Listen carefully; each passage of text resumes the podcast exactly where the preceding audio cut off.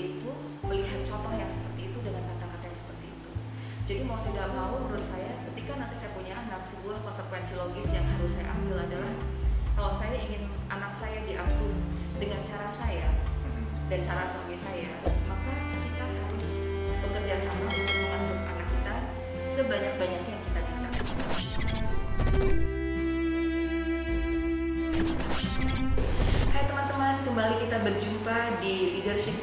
Podcast Sebuah kanal yang membahas tentang hubungan kerja, hubungan antar manusia, dan kehidupan di dunia kerja Seperti biasa, kita akan berbincang bersama Mas Ronald Tuhantu Seorang psikolog organisasi dan konsultan sumber daya manusia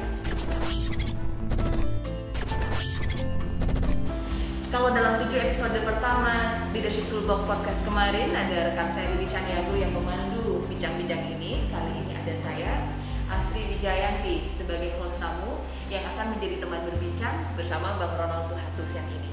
Ya terima kasih Mbak Asri eh, berkenan menjadi host tamu dan teman berbincang saya pada hari ini. Mbak Asri bisa memperkenalkan diri apa profesi Mbak Asri saat ini? Kalau kita bicara tentang profesi saat ini Mhm. saya adalah seorang ibu di rumah atau stay at home mom. Ya, Tapi sebetulnya saya kalau harus mendefinisikan diri saya, saya adalah seorang Hmm. Communication profesional yang sedang mengambil jeda untuk menjalankan tugas sebagai ibu. Eh, jadi sekarang eh, Mbak Asri lebih fokus kepada urusan rumah tangga ya sebagai ibu, ngurus Iya. anak dan ngurus suami. Lebih banyak mengurus anak sih. Lebih ngurus anak, oke. Iya. Ya, ya menarik sekali nih Mbak Asri. Eh, ada beberapa hal yang mau saya tanyakan nih. Kenapa Mbak Asri memutuskan untuk mengambil jeda? Apa yang men-trigger Mbak Asri dan pasangannya tentunya untuk sampai pada keputusan tersebut? Bisa ceritakan sedikit kepada kita prosesnya seperti apa? Baik Mas Ronald, jadi sebetulnya jauh sebelum saya berumah tangga, saya sudah punya keinginan kalau suatu hari nanti saya menjadi ibu, Mhm. saya punya anak, saya ingin menjadi ibu yang selalu ada untuk Hmm. anak saya. Mhm. Dan ketika akhirnya saya menikah, em, kemudian juga tinggal di lingkungan di mana saya bisa melihat bagaimana orang-orang di sekitar saya membesarkan anak dengan bantuan pengasuh yang bukan dari keluarga sendiri, keinginan saya untuk mengasuh anak saya sendiri menjadi semakin kuat. Dulu ketika saya masih tinggal di beberapa apartemen Jakarta transfer berpindah-pindah, ada sebuah pola yang sering saya lihat ketika saya melihat para pengasuh mengasuh anak-anak eh, majikan mereka. Jadi misalnya untuk anak-anak balita yang bergerak, mereka lari-lari atau mereka berusaha untuk eh, menjelajah ke taman bermain. Saya bukan sekali dua kali saja melihat mereka dibentak-bentak, dimarahi dengan cara yang kalau saya menjadi ibu saya tidak ingin anak saya dibentuk-bentukan oleh orang lain. Oke.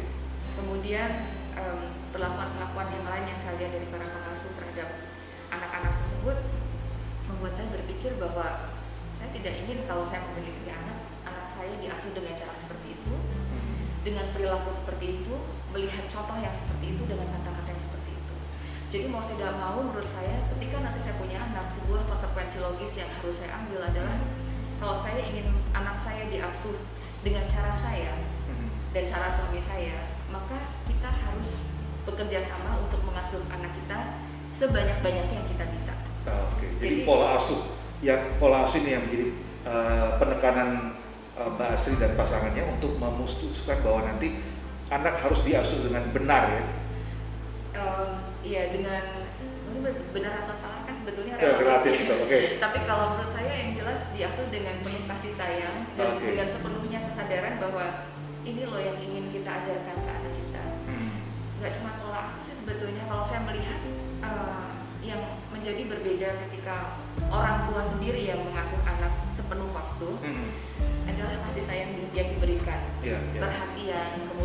detail tentang apa sih yang dibutuhkan oleh anak. Kemudian ada juga excitement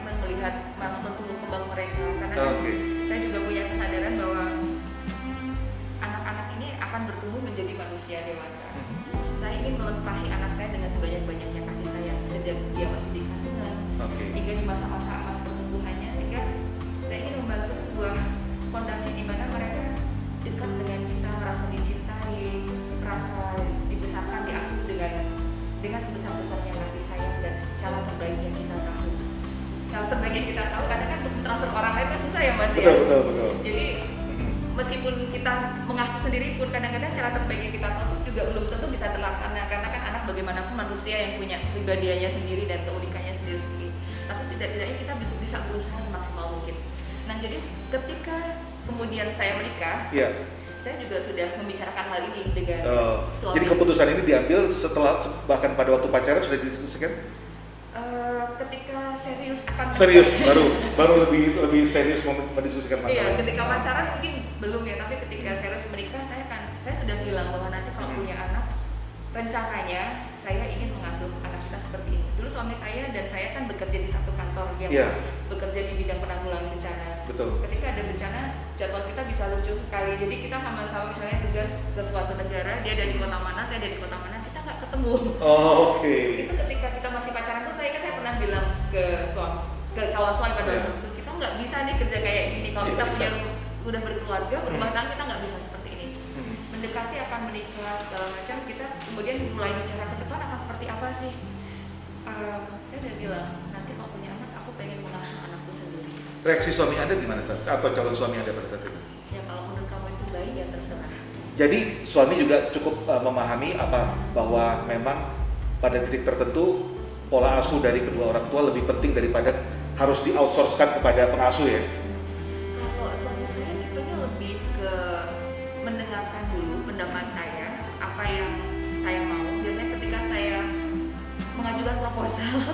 Saya akan bilang saya ingin begini karena begini, begini, begini, begini. Jadi memang biasanya udah saya pikirkan baik-baik, terus kemudian saya Alasannya dari Hmm. ya. Kalau suami saya sebetulnya membebaskan, dia tahu bahwa saya memang punya potensi, baik Iya. potensi karir maupun eh, latar belakang pendidikan yang sebetulnya bisa membuat saya terus berkarir. Jadi kalau suami saya ini adalah apa yang menurut kamu baik, aku dukung. Tapi di Mbak Asri sendiri ada pertentangan nggak dalam batin Mbak? Mbak Asri sudah sekolah, sudah ambil S2, kemudian sudah punya potensi karir. Uh, ada sedikit rasa penyesalan atau pertentangan nggak di dalam hati ketika harus memutuskan ini?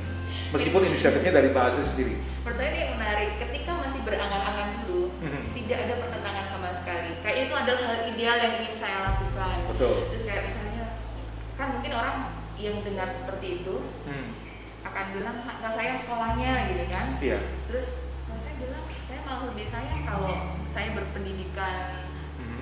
eh, layak, kemudian anak saya tidak saya asuh sendiri karena saya ini sebanyak-banyaknya ilmu pengetahuan yang saya punya saya terapkan ke anak saya untuk jadi bekal dia. Eh, jadi ketika saya masih membayangkan itu rasanya tidak ada penyesalan, rasanya akan oh akan menjadi sesuatu yang indah. Nah justru ketika akhirnya menjadi ibu stay at home beneran, full time mengurus anak kadang-kadang anak kan memang itu 24 jam betul-betul Betul. karena kita tidak punya jeda waktu untuk diri sendiri. Kemudian eh, kadang-kadang juga ada masa di mana misalnya anak sedang rewel-rewelnya.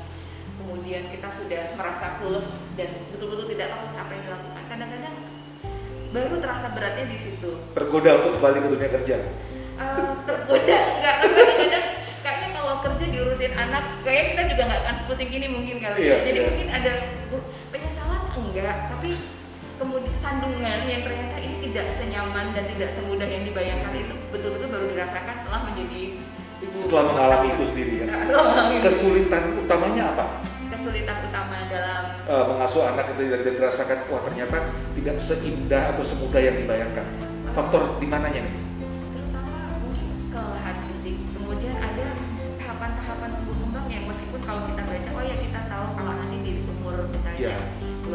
Dia akan mengalami Tugas perkembangan anak itu seperti apa? tahapan betul tahapan ya.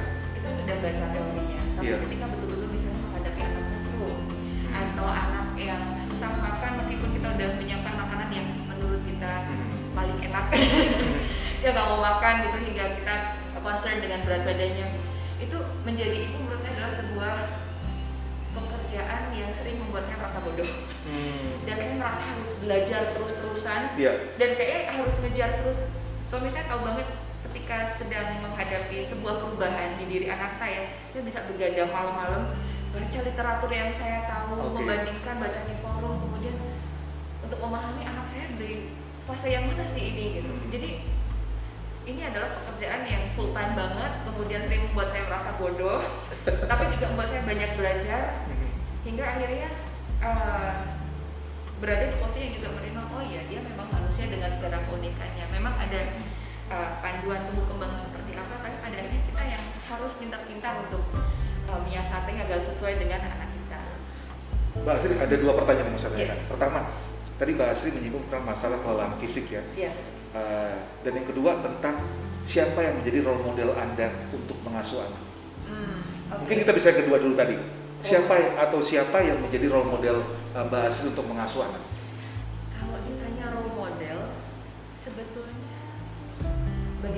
Lebih banyak membaca literatur atau ada figur ibu kah atau figur siapa yang akan menjadi yang menjadi role model Mbak Asri? Kalau bicara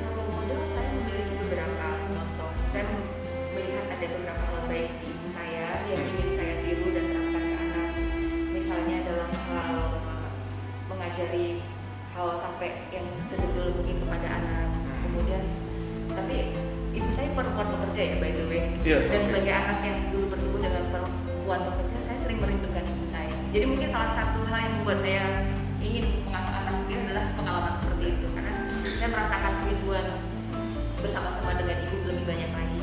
Kalau ibu saya ada beberapa hal yang saya contoh dari beliau.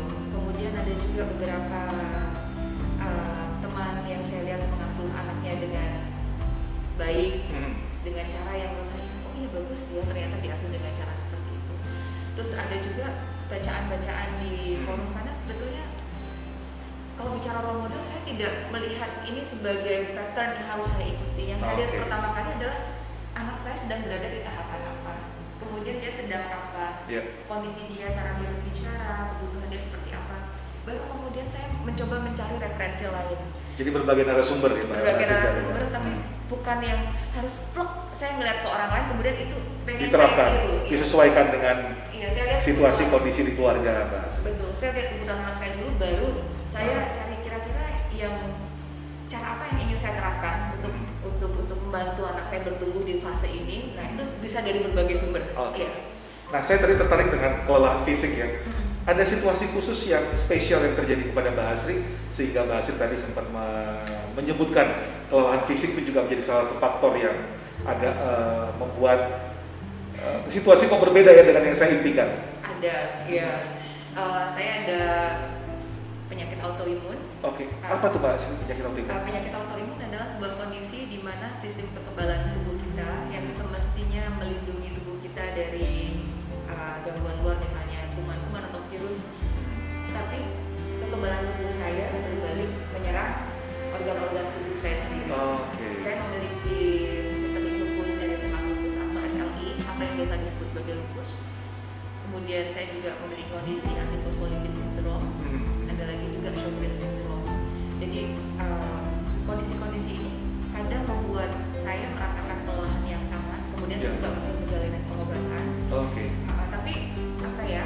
eh, memang menjadi ibu adalah sebuah pekerjaan yang tidak tidak tidak mudah, sulit untuk mencari jeda untuk istirahat. Ibu yang tidak Sudah hal yang betul sama. kan lelah apalagi dengan kondisi seperti itu. ya. Iya. Kapan Mbak Asri didiagnosa dengan penyakit tersebut? Di diagnosanya te- tegak diagnosa pertama kali di tahun 2016. Itu sebelum pernikahan atau sudah pernikahan?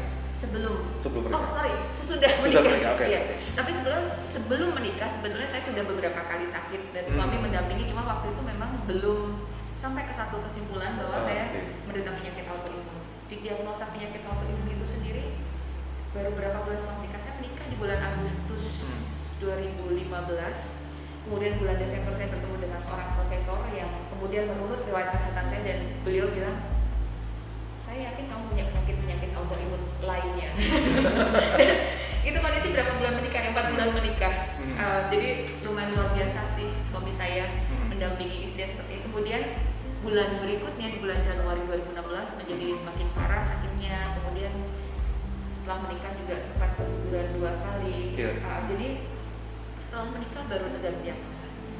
Itu bagaimana mempengaruhi kehidupan dengan eh, dalam kehidupan dengan hubungan dengan suami dengan anak dan pola asuh? Apa apa yang berbeda yang dilakukan Mbak Asri?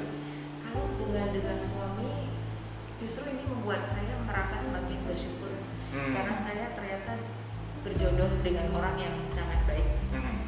Kesabaran suami saya mendampingi saya dalam kondisi terburuk sekalipun. Saya ketika saya uh, sedang berkarya sakit autoimun bahkan untuk sisi sisiran rambut sendiri pun saya nggak bisa gitu. Sampai se Iya, ya, sampai sejauh itu ya. selelah itu. Betul, oke. Yang ke kamar mandi harus dipapa, Hmm. kemudian berguling guling kasur, bisa dibantuin sama dia. Em, dan dia mendampingi saya dalam kondisi seperti itu. Dan ketika pun saya dalam kondisi yang tidak cantik menurut saya, dia bilang, Iya. cantik terus." Oke, Luar biasa ya. Terus saya ingat banget ketika pulang dari rumah sakit kan juga masih lemas Hmm. macam gimana dia berusaha memasakkan masakan yang bergizi dengan Hmm. cara dia Eh, hingga akhirnya keguguran segala macam Eh, ketika kita membahas hal berat-berat ini gitu kemudian saya meminta maaf dia bilang ya nggak apa-apa kita jalan sama-sama Hmm. itu kalimat sederhana yang membuat saya merasa oh I married the right guy. Person. I married an angel. Ya meskipun kadang sebagai istri saya masih sering ngomel. Hal kecil. Tapi hal seperti itu sering membuat saya kembali, ingat bahwa ya saya bersyukur sekali. Jadi eh, banyak sekali hal yang dihadapi dalam kehidupan suami istri ketika pasangan mengalami sakit kronis seperti ini. Bolak-balik ke rumah sakit biaya Iya. pengobatan yang tidak sedikit gitu. Tapi meskipun ada satu masa di mana kita juga sempat kewalahan dengan biaya berobat karena tiba-tiba perusahaan asuransi bilang tidak akan menanggung Iya. ya sekali lagi kita kita jalani sama-sama gitu termasuk Oke. ya luar biasa pokoknya suami saya kemudian ketika bicara tentang pengasuhan anak Iya. dengan kesadaran bahwa istrinya ketika sudah terlalu bersemangat mengurus rumah tangga sehingga tiba-tiba langsung tepar Eh, suami saya handy sekali dia Aha. berusaha untuk over the role Ah, jadi misalnya saya tahu kan memang kadang-kadang ketika autoimun saya kambuh gitu Hmm. yang sering muncul sakit kepala parah Iya. saya sakit kepala nggak kuat ngomong minta tolong dipegangnya ya sudah saya bisa serahkan anak saya suami disuapin dimandikan dan anak saya diberi pengertian. Ini lagi pusing nah, kita sayang sayang. Seperti itu. Jadi dia malah mengajarkan kasih sayang untuk merawat saya Iya. sehingga kalau saya sakit pun saya umur dua tahun kalau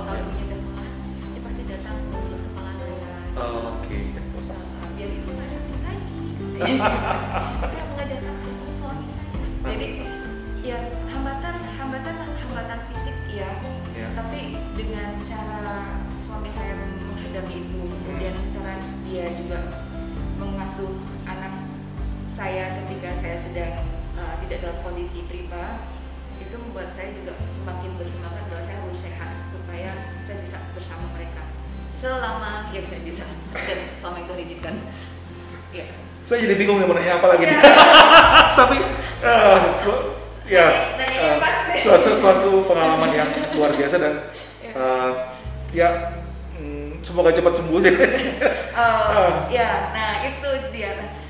Yang menarik dari penyakit autoimun ini kalau secara sains, ya eh, secara ilmu pengetahuan memang belum bisa disembuhkan. belum bisa disembuhkan, belum Iya. ada obatnya ya. Eh, cuman yang menjadi berbeda adalah bagaimana kita menyikapi itu. Karena Ah, oke. belum bisa disembuhkan, Pola pikirnya ya. Iya, itu tetap bisa dikendalikan. Kita tetap uh, bisa menjaga kesehatan, pola hidup sehat, sehingga uh, bukan tidak mungkin kita akan mencapai fase yang disebut fase remisi.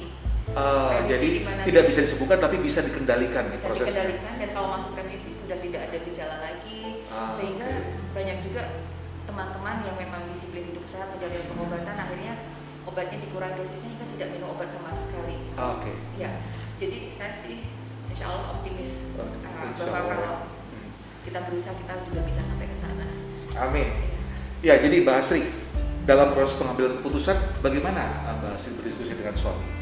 Memang pengambilan keputusan dalam keluarga itu Hmm. uh, sudah pasti kita selalu diskusi ya, karena kami berdua suka banget diskusi. Iya. Iya, kita bisa ngobrol sesuatu sampai berjam-jam mempertimbangkan sesuatu sampai sedalam-dalamnya dan mempertimbangkan banyak kemungkinan. Jadi dalam kondisi sakit yang tadi kita jelaskan misalnya kita Iya. termasuk pengambilan keputusan akan ke dokter mana, mengambil pengobatan seperti apa itu pasti didiskusikan.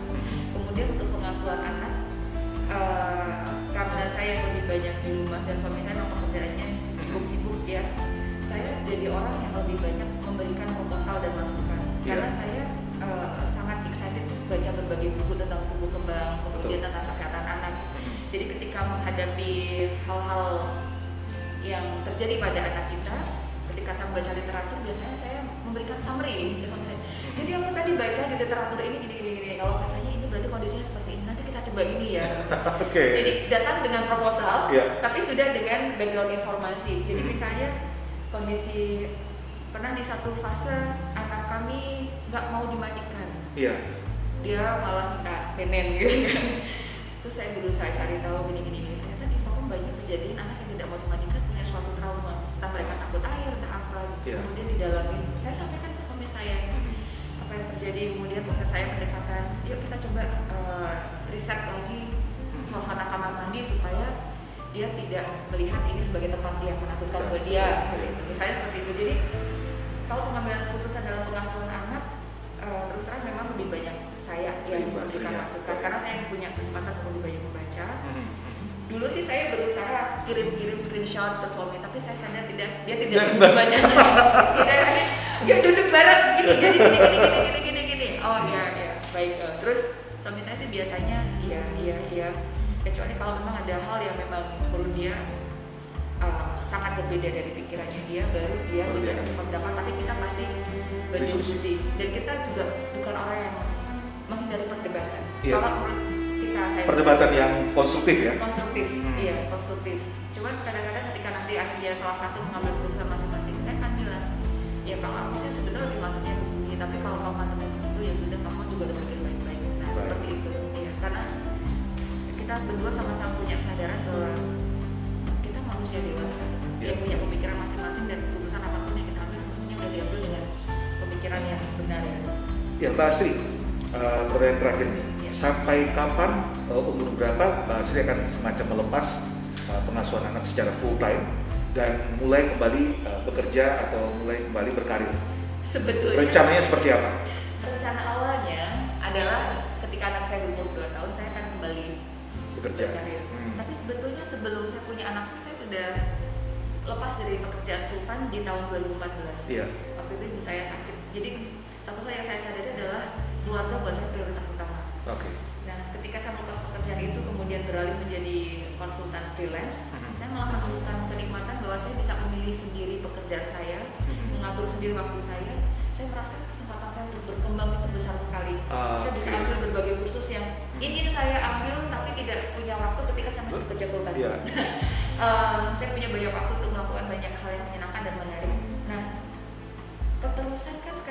2021 ya. Iya. Mas, Berarti udah berapa tahun tuh? Tanpa disadari 6, 6 tahun, ya. Hmm. 6 tahun eh, hidup seperti ini, Hmm. saya terus terang belum bisa membayangkan bagaimana akan kembali ke pekerjaan full time. Karena menurut saya kebahagiaan saya lebih besar ketika saya punya kesempatan untuk terus berkembang Iya. Eh, ketika saya menjadi ibu, ketika saya menjadi penyintas penyakit autoimun. Ketika saya membuka diri untuk belajar hal-hal baru, ada banyak peluang yang saya lihat. Nah, oke. Bahwa sekarang saya, saya mikir, kadang random sama suaminya bilang, Iya. jadi sebenarnya kita bikin usaha di tree baking bisa ya, kita bikin kebun hidroponik juga Bisa. bisa jadi duit juga ya kayaknya. Terus kalau saya terus menjadi konsultan yang menulis dokumen-dokumen untuk uh, organis- organisasi-organisasi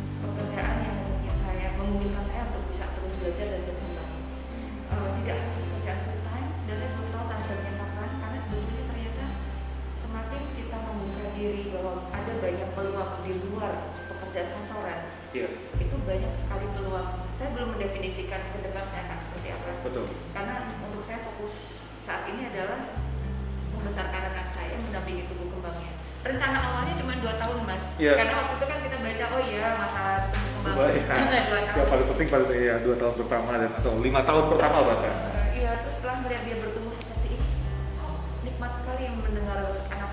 Saya tahu semua kata pertamanya dia sampai saya tulis di kertas kita tempel di kulkas gitu. Apa kata pertamanya? Kata pertamanya waktu itu eh, bapak. Ini yang asuh ibunya kok yang dapat nama bapaknya. Ibu empat bulan Empat bulan kemudian, ya. Ya. keputusan yang tepat. Iya. Yang bagus kan yang panggil bapaknya. Iya, bapaknya. anyway, um, ya jadi uh, kata-kata pertama dia, langkah-langkah Hmm. pertumbuhan dia semua saya track dan itu menyenangkan sekali. Uh, kapan saya akan kembali bekerja?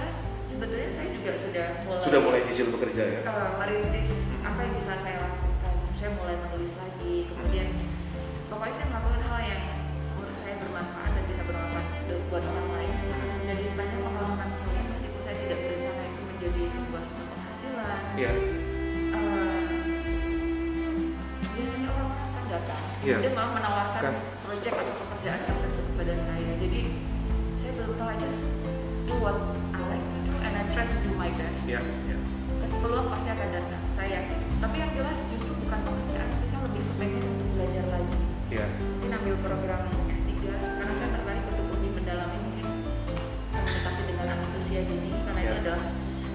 cabang dalam interpersonal communication dan dulu S2 saya di bidang itu eh, sepertinya menarik untuk mendalami itu atau komunikasi eh, antar sesama penyintas supaya bisa menciptakan komunitas pembelajar yang sama-sama memberdayakan. Yang di kepala saya justru hal seperti itu mungkin Iya. bukan pekerjaan seperti apa persis. Jadi pekerjaan kantoran yang 20 eh, 20 yang Anda harus eh, eh, secara fisik datang itu kayaknya tidak menjadi suatu eh, Impian. kerjaan im- impian ideal ya. Banyak kesempatan justru yang muncul dari Iya. kondisi seperti ini. Karena buat saya bekerja itu bukan soal kita terafiliasi dengan perusahaan. Suatu organisasi ya. Tapi bagaimana kita bisa bahagia Mhm. dan menjadi bermanfaat Bagi orang lain. bagi orang lain. Ya. Jadi itu sih.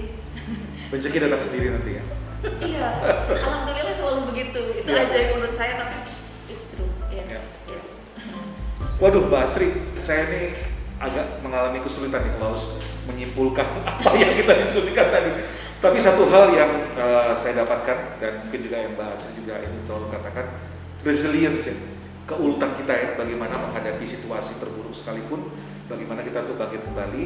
Dan kalau tadi dalam hubungan dengan eh, suami istri, bagaimana menentukan apa prioritas utama dalam kehidupan keluarga, Eh, bagaimana Mbak Asri mendiskusikan, saya pikir itu yang banyak bisa di- diambil, dipetik manfaatnya oleh eh, para pemirsa kanal YouTube kita. Oh ya, soal prioritas ini betul banget. Karena setiap kali bicara dengan suami tentang keputusan hidup, termasuk mengasuh anak Mhm. sebagai eh, ini ibu yang ada di rumah, itu adalah kita kembali lagi ke prioritas keluarga masing-masing.